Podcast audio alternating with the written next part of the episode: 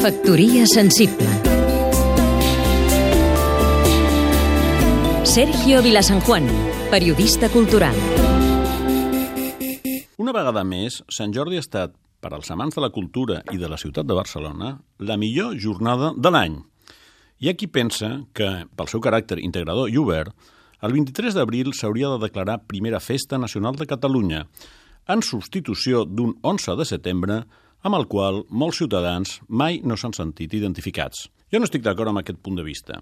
En els seus orígens, any 1926, la celebració d'un dia del llibre va ser impulsada per l'editor valencià resident entre nosaltres, Vicente Clavel, i la va declarar oficial per a tot el territori espanyol un ministre català del dictador Primo de Rivera, Eduard Aunós. Però amb el pas del temps, la gràcia d'aquesta jornada ha residit sobretot a saber desoficialitzar-se, en convertir-se per si sola en una gran festa de la ciutadania que surt al carrer en bloc per comprar llibres i roses, fins a l'extrem que una vegada a l'any el concepte de Barcelona i el concepte de món del llibre són sinònims. Escriptors, editors i professionals de moltes procedències venen a constatar-ho amb els seus propis ulls i mai no es queden decebuts. La festa de Sant Jordi a Barcelona és un fenomen cultural únic pel caràcter espontani que meravellosament ha adoptat amb el pas dels anys. Si us plau, no la oficialitzem.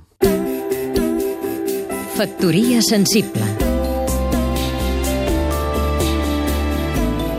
Seguim-nos també a catradio.cat